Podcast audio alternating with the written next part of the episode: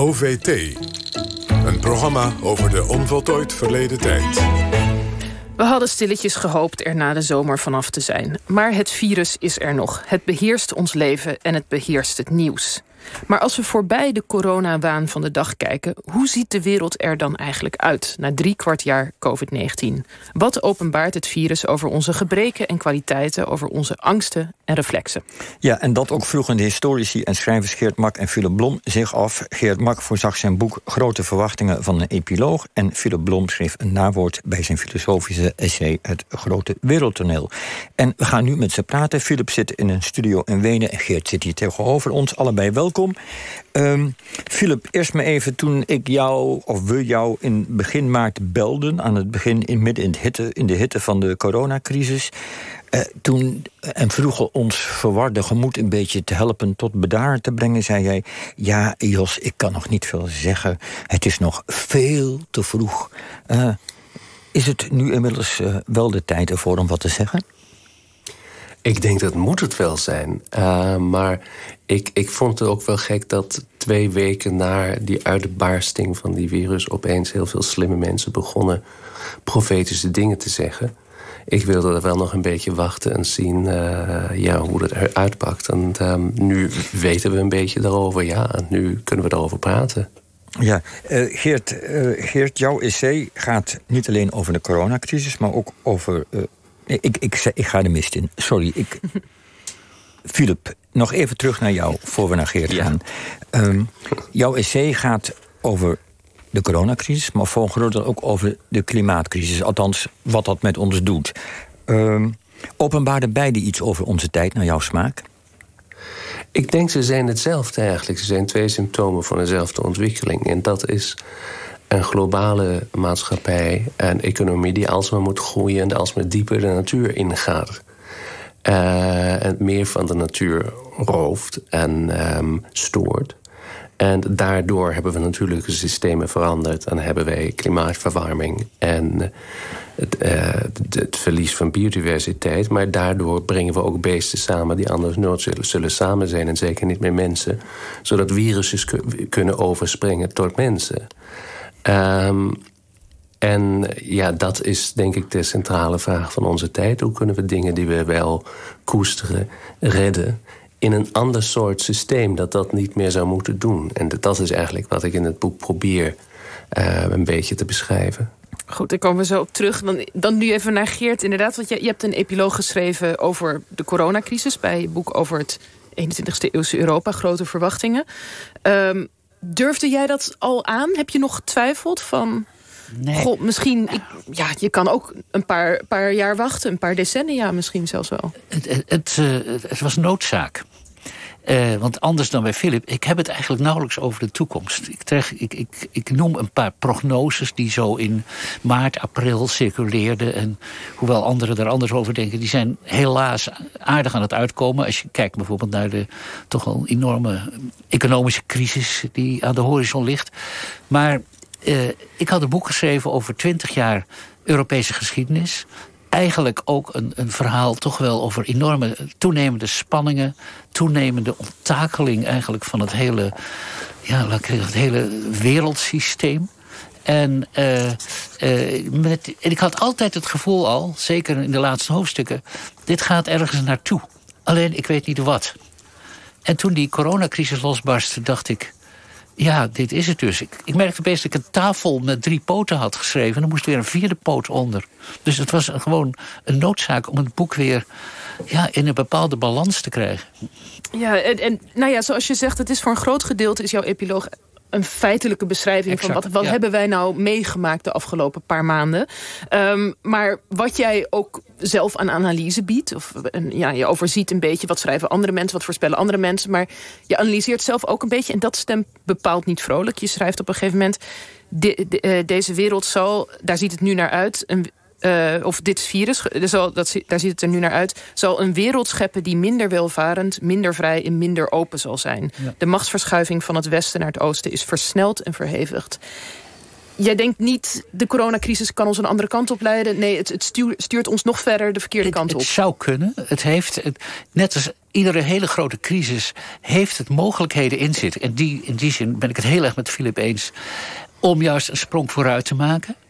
Uh, maar uh, tot nu toe zie ik dat nog niet. Het was ook het moment dat ik het schreef hoor. Uh, ik, ik denk bijvoorbeeld wel dat je... Wij kijken heel vaak, als je het over grote systeemveranderingen... grote crisis hebt, kijken we naar de jaren 30. Mm -hmm. En dat is niet zo gek. Alleen, ik ben steeds meer geneigd om naar de andere kant van de oceaan te kijken... wat de jaren 30 betreft.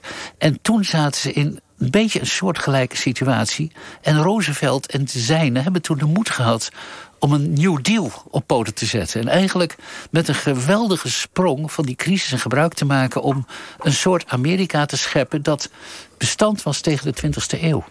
Uh, dus een, echt een breuk te scheppen. Heel bewust allerlei nieuwe systemen in gang te zetten.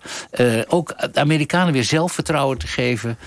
En ik hoop en bid dat Europa die sprong ook kan maken. Ja, een, een, een breuk maken met je eigen eeuw. Hè? Dat is wat je zegt met de 20e eeuw, wat, wat Roosevelt uh, deed. Philip Blom, uh, dat, bestaat er een kans dat wij een breuk gaan maken met de wijze waarop in de 21e eeuw het Westen en, uh, en Amerika met de, met de cultuur en met hun problemen omgaat? Gaat het de kant op, je schrijft, het kan een ramp worden of een catharsis? wat, waar gaan we naartoe? Denk je? Ja, nou, dat, weet ik dus, dat weet ik dus zeker ook niet. Maar je kunt wel de omstandigheden zien in die dat wordt besloten. En dat is dat, dat systeem wat we op het moment runnen... en wat op, voor, op een bepaalde tijd ook heel succesvol was. Een economische groei in een liberale markt. Dat gaat niet meer werken, omdat die groei maar alsmaar meer natuurlijke bronnen vreet... en alsmaar meer vervuiling veroorzaakt. Um, dat betekent ook dat een heel wereldzicht die daarmee samenhangt... Eh, de liberale wereldzicht van liberale democratie, van mensenrechten en zo... ook op gevaar staat eh, net zo samen te breken. En de vraag is gewoon, kunnen wij... Um, als daar het vacuüm komt van die grote verhaal die niet meer werkt... en andere verhalen daar binnenkomen... dat kan net zozeer de verhaal van meneer Trump zijn of die van meneer Erdogan of Poetin, als de mooie verhaal van Greta Thunberg.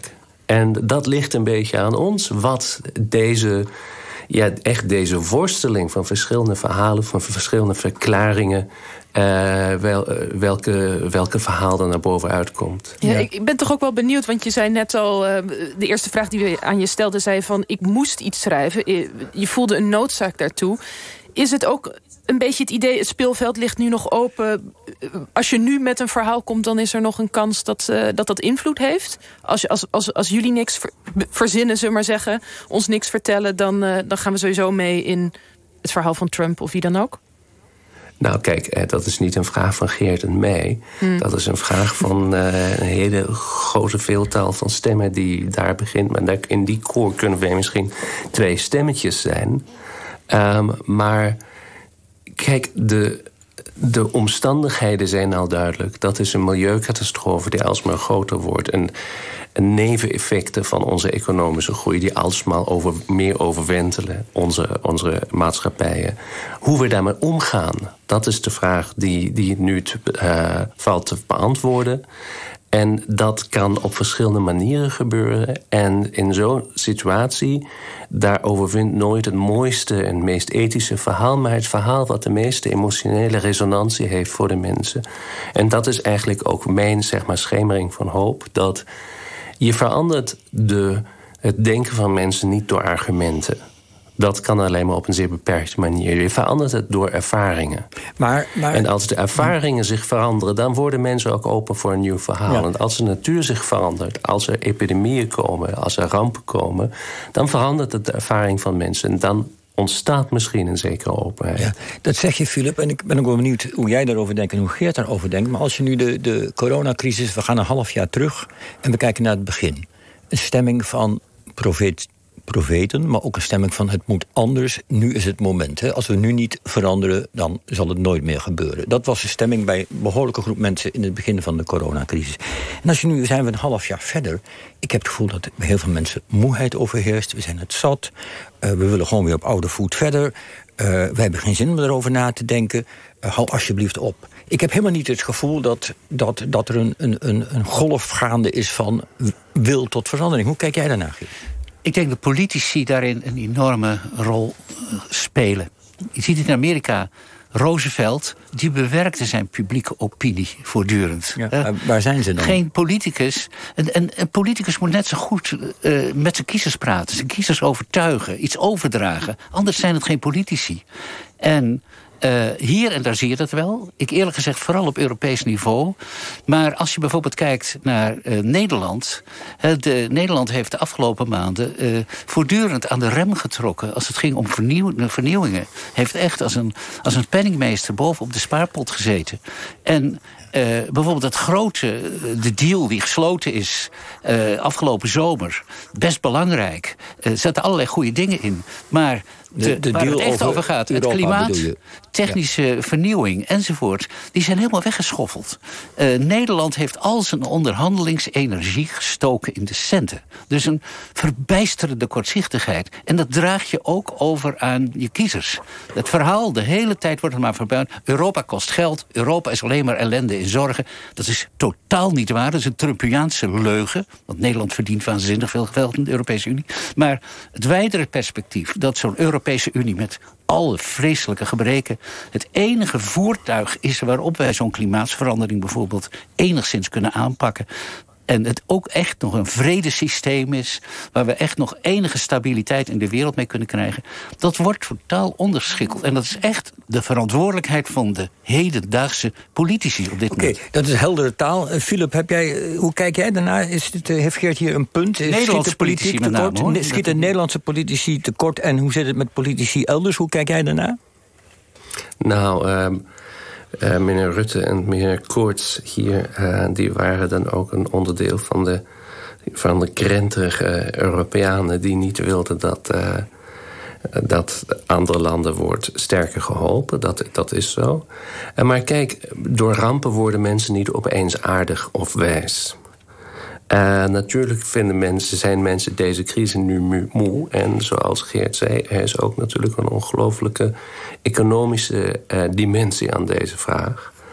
Maar um, je hebt wel het gevoel dat een kans wordt verspeeld op het moment. Een kans gewoon niet te zeggen, nou, het oude systeem, dat gaan we weer... we're gonna boot it up.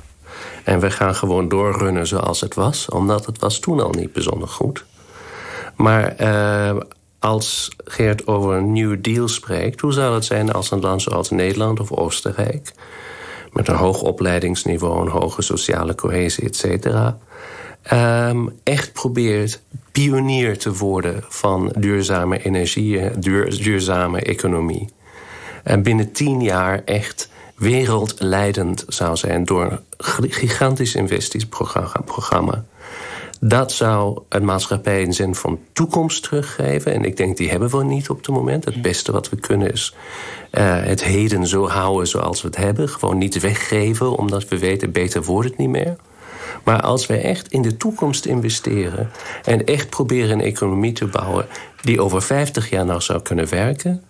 dat zou wel een zin van toekomst teruggeven. Maar dat zie ik helemaal niet gebeuren. Ik zie gewoon dat de kleine interesses uh, ten voorkomen... en het gewoon eenvoudiger is door te gaan met wat er was... dan erover na te denken wat er zou kunnen zijn.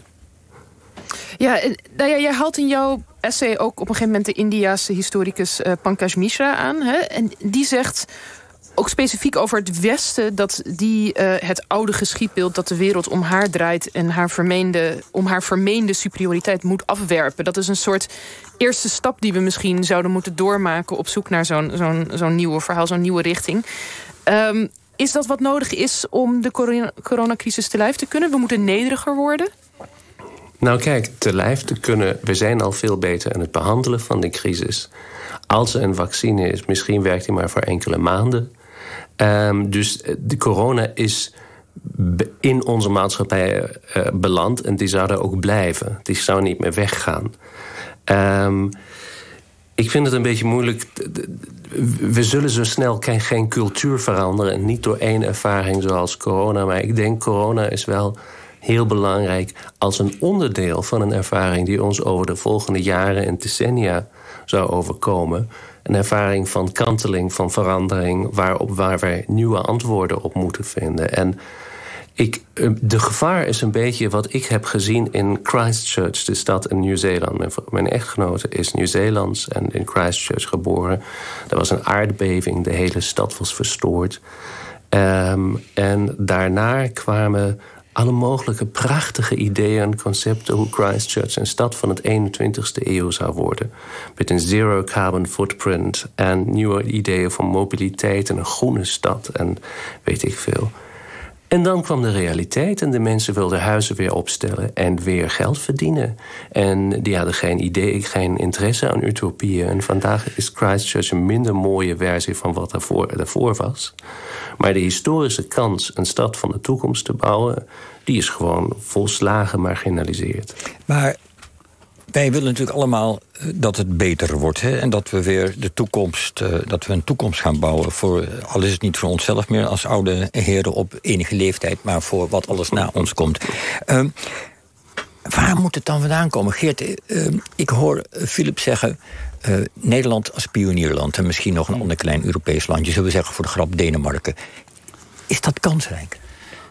Ik denk het wel. Ja, Nederland heeft, uh, heeft een, een, is echt een. Zoals het altijd wel geroepen is, is het ook echt wel zo. Kan een gidsland zijn. En uh, in die zin, ja, ik, ik ben het volkomen eens. Het kan heel inspirerend zijn, zo'n land. Uh, en ik herhaal mezelf, de, meer nog dan de journalistiek, meer nog dan alle dominees bij elkaar, hebben op het ogenblik de politici de rol om die toon te gaan zetten. Uh, Philip heeft in een van zijn essays een prachtig voorbeeld. Hij zegt, uh, als een stuk aardewerk, als er een klein barsje in zit... Uh, dan kun je dat horen doordat het opeens, als je hem omhoog tilt op je vingers... zegt het niet meer ping, maar zegt het plop. En dat is denk ik een heel fundamenteel probleem in onze samenleving. En dat heeft met ontzettend veel te maken met individualisering. Vergeet niet het neoliberalisme, waarop iedereen alleen nog maar in markttermen dacht, enzovoort, enzovoort. Waardoor ze onze samenleving op dit moment te veel plop zegt. We zijn, we zijn gezakt, soort van. Ja, het, is, te barsten eh, in, ons, in onze resonantie, zeg maar. In ons denken. In ons denken ook in gezamenlijkheid. Uh, uh, het is. Um, mensen zijn op dit moment onder invloed van van alles en nog wat heel sterk op het heden gericht. Niet meer op het verleden, niet meer op de toekomst, maar heel sterk op het heden. En dat maakt ook. Uh, ja, dat is een, een hele fundamentele koerswending die je zou moeten inzetten. Maar die wel van enorm belang is. En uh, uh, ik denk voortdurend ook aan, aan aanzetten van kleine groepen, lokale groepen. Er is onder mensen wel degelijk heel veel enthousiasme. En ook wel een gevoel van. Ik denk dat. dat dat heel veel mensen ook wel het gevoel hebben... deze tijden kunnen inderdaad centraal zijn. En willen wij onze kinderen en kleinkinderen nog recht in de ogen kunnen kijken... dan moeten we wel iets gaan doen. Alleen, daar moet wel leiding aan gegeven ja, worden. Maar dat is nou juist het probleem. Want jij zegt, veel mensen horen inmiddels... als die keramiekschaal wordt uitgeprobeerd, die horen, die horen een, een doffe tok. Ja. veel burgers. Maar ik heb het gevoel dat de politici nog vaak ping horen. Uh, dus, Philip, hoe gaan we dat oplossen? Hoe gaan we die politici ping uh, in plaats van ja, dat is, maar dat is ook een, een doffe tok laten horen? Dat is ook een, dat is ten eerste gewoon het feit van de domme regel, historische regel. Er is zoiets als een charismatisch model. En soms zijn er politici die echt mensen kunnen inspireren. Zoals Nelson Mandela, zoals eh, FDR, Roosevelt. Um, en soms heb je een uh, situatie van grote behoefte waar zulke mensen niet zijn. En daarbij komt ook dat politiek meer dan ooit gewoon geprofessionaliseerd is op een neoliberale wijze, zoals andere beroepen ook. En vandaag is dat.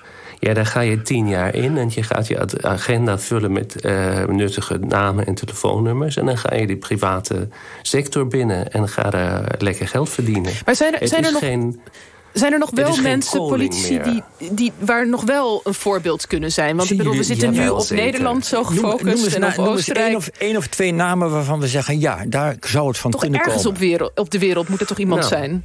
Zoals ik over Nieuw-Zeeland sprak... Uh, Jacinda Ardern is zeker een politieke leider... die integer lijkt, maar die ook een instinct heeft... Um, op het juiste moment het juiste te zeggen.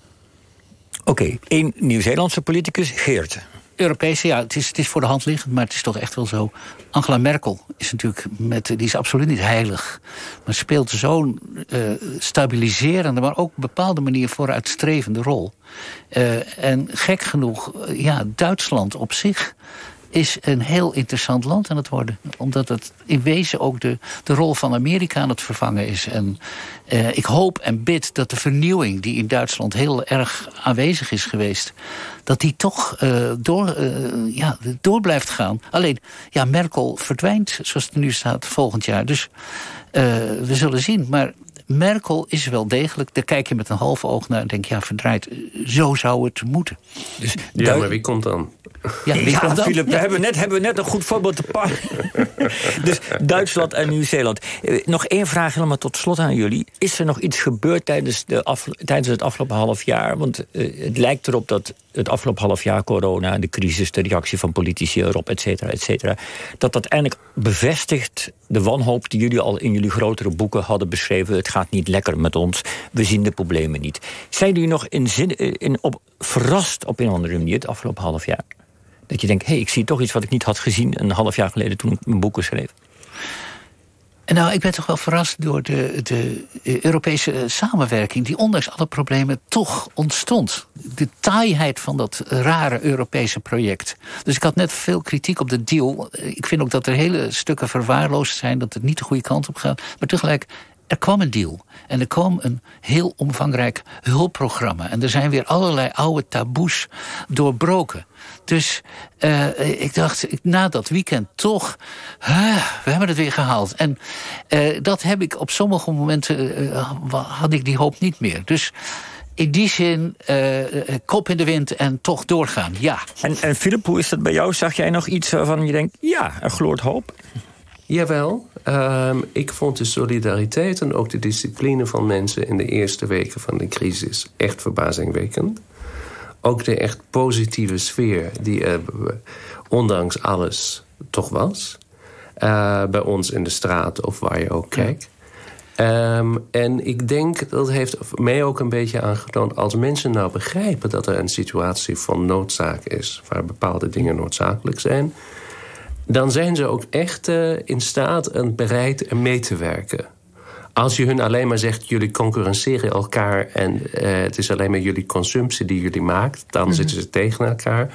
Maar als ze wel een gemeenschappelijk doel hebben... dat kan slecht zijn. En ik kom uit het land van het nazisme... en dus gemeenschappelijke doelen zijn altijd een beetje verdacht. Maar ze zijn ook wel noodzakelijk. En um, een heel gek voorbeeld. Hier in Wenen heb je een heel grote kerk, de Stefansdom. Daar heb je nog de originele bouwplan. Die is, heel, die is prachtig. Maar de mens die de bouwplan heeft opgetekend... die wisten dat hij die kerk nooit zou zien. Ook zijn kleinkinderen zullen die nooit zien. Dat zou eeuwen duren, letterlijk. En dat is een soort van perspectief naar de toekomst. En ik ben onderdeel van iets wat noodzakelijk is te doen... wat we nu doen. Nu doen. Ook hebben we de resultaten daarvan niet die, die wij denk ik niet meer hebben... en die misschien in het proces van deze transformatie... ook een kans zou hebben weer naar boven te komen. Goed, we gaan bouwen aan een Stefansdom... voor eh, de, eh, de redding van de aarde... Uh, met culturele en ecologische problemen. Geert knikt, dat gaan we doen. Precies. Bedankt Geert Mak en Philip Blom. Ja, en het begint allemaal met begrip zoals we, we hoorden... en dat kunnen we dus misschien wel vinden... in de nieuwe editie van Max Grote Verwachtingen... met Epiloog, die vanaf morgen in de winkel ligt. En uh, we bespraken dus ook Bloms Het Grote Wereldtoneel... met speciaal voor de Nederlandse uitgave een nawoord over de coronacrisis.